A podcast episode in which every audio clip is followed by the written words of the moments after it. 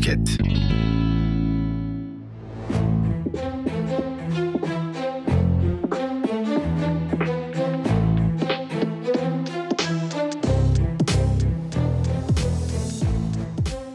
Selamlar. Bugün 7 Nisan 2023. Ben Abdullah Paçal. Twitter gündemiyle karşınızdayım. Seçimlere tam 37 gün kaldı.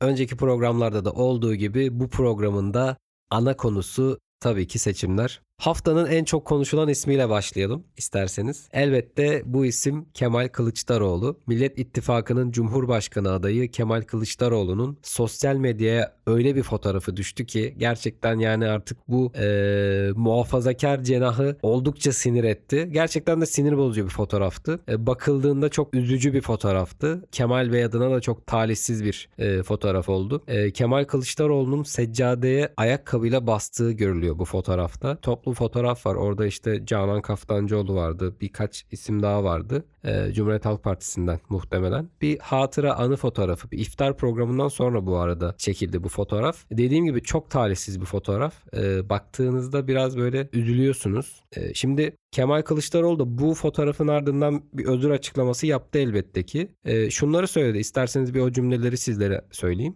Kemal Bey dedi ki üzgünüm. Seccadeyi görmediğim için çok üzgünüm. Dünyada hiç kimseyi incitmedim, incitmek istemem. Hele milletimi asla. Buradan istismarcılık yapanları ve kullandıkları propaganda aparatlarını da milletimizin vicdanına bırakıyorum dedi. Kemal Bey bu açıklamasının ardından birkaç programda daha işte özür diledi ve e, o seccadeyi gerçekten görmediğini söyledi. E, biz siyasetçiler olarak çok yere bakmayız dedi. Haklı da bu noktada. Yani onlara genelde işte danışmanları e, yerde ne olduğunu söylerler. Efendim işte burada kaldırım var dikkat edin. Şurada taş var dikkat edin. Çünkü siyasetçiler hep düz karşıya bakarlar. E, bu noktada görmemiş olmaması, görmemiş olması çok olağan, çok doğal ama insan da şunu sormadan edemiyor. Yani Cumhuriyet Halk Partisi'nde bir tane adam e, o seccadeyi görüp uyarmadı mı ya? Yani gerçekten bir kişi yok muydu ya bu seccadeyi o yerde görüp ya efendim işte seccadeye basıyorsunuz diyebilecek. Ya herkes mi o an çok heyecanlıydı? Ya insan bunu sormadan edemiyor. Hadi bunu görmediniz. Diyelim insanlık hali o an hiç kimse görmedi o olayın heyecanıyla. E paylaşırken de mi görmediniz yahu? Ya bu kadar hani hatalar silsilesi e, Cumhuriyet Halk Partisi'ne Kemal Kılıçdaroğlu'na oy kaybettirir. Eğer gerçekten seçimi kazanmak istiyorlarsa e, böyle basit hatalar bilmiyorum yani bana çok saçma geliyor. Eğer hani bu hatalar sanmıyorum zaten bu saatten sonra seçimlere kadar Kemal Kılıçdaroğlu'nun böyle bir hata yapabileceğini. Ama en azından daha dikkatli olunabilir diye düşünüyorum. Her iki taraf için bu sadece Kemal Bey için değil diğer Cumhurbaşkanı adayları için de bu hareketler seçim öncesinde çok büyük oy kaybettirir e, diyelim ve diğer haberimize geçelim.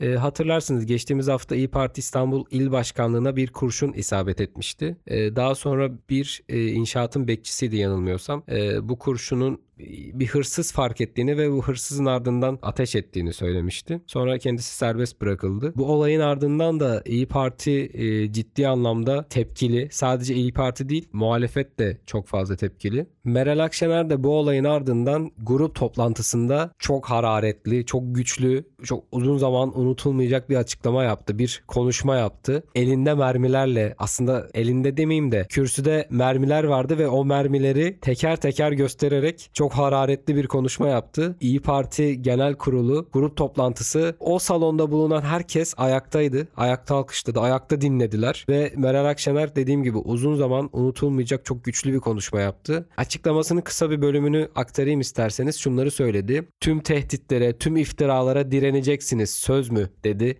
grup toplantısında İyi Partililere tüm mermilere göğüs gerip söz mü? 15 Mayıs günü burada gülmeyen yüzleri güldürmek için, susmuş sesleri haykırmak için, çöken karanlığı dağıtmak için 40'tan 40 bin olacaksınız söz mü? Böyle bunun gibi uzun bir açıklama yaptı. Ellerin elinde mermiyle bu mermileri sağa sola fırlatarak e, Meral Hanım ve bu aslında e, muhalefetin de çok dikkatini çekti. Destek geldi, destek açıklamaları geldi. İktidarın da tepkisini topladı. Yine oradan da e, tepki çeken açıklamalar geldi. İyi Parti Genel Başkanı Meral Akşener'i.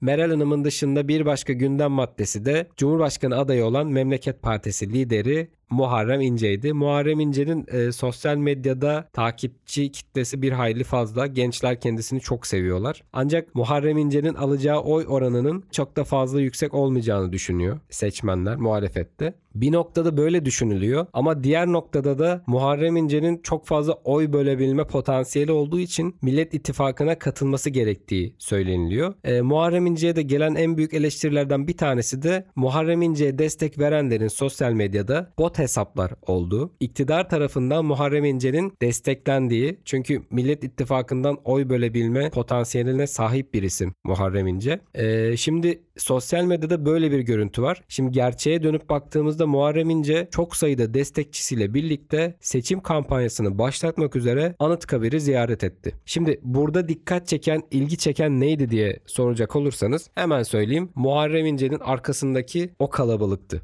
Yani baktığınızda şimdi bir taraf evet senin arkanda sadece troll ordusu var. E, bot hesaplar var diyor ama e, şimdi Gelin görün ki Anıtkabir'de toplanan kalabalık da hiç öyle az bir kalabalık değil. Hiç öyle bot hesaplara da benzemiyordu. Bu noktada biraz kafaları karıştırdı Muharrem İnce'nin arkasındaki kalabalık. Aslında dediğim gibi daha önce de söyledim bunu. E, Muharrem İnce'nin ciddi anlamda bir oy bölebilme potansiyeli var. Bu noktada da çok muhalefeti korkutuyor, tedirgin ediyor. E, çünkü Kemal Kılıçdaroğlu artık seçimin ikinci tura kalmasını istemiyor. Ya bu soruyu Kemal Bey'e 5 ay önce sorsaydık deseydik ki Kemal Bey seçimin ikinci tura kalmasını ister misiniz?